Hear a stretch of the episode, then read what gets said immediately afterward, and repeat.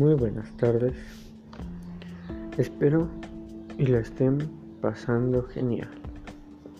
Hoy hablaremos de un tema muy interesante, el realismo mágico, que es, muchos imaginan que son cosas mágicas, cosas irreales. Hoy vamos a aclarar ese punto. Vamos a conocer lo que en realidad es el realismo mágico.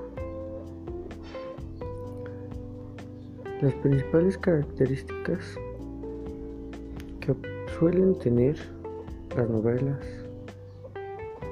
del realismo mágico son contenido fantástico o mágico que son percibidos normales por los personajes. Cambia la percepción de la realidad. El realismo mágico también abarca mitos y leyendas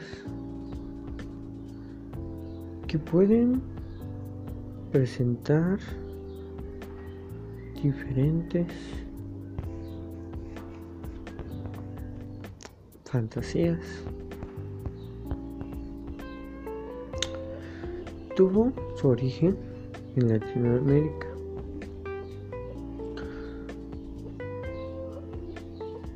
Había mucho romanticismo en América. Pero a alguien se le ocurrió la idea de abarcar todo el universo.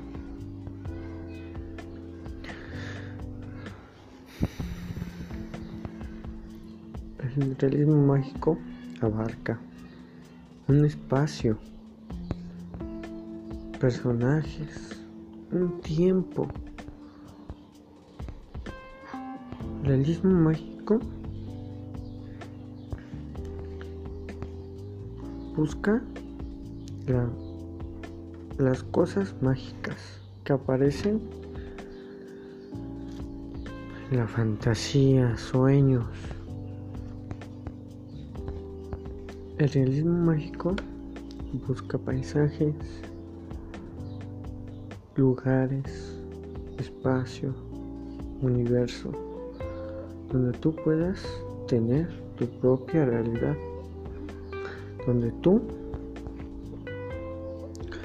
puedas comprender que lo único real aquí es la vida. Pues hasta aquí amigos quedó entendido que el realismo mágico en verdad es una narrativa donde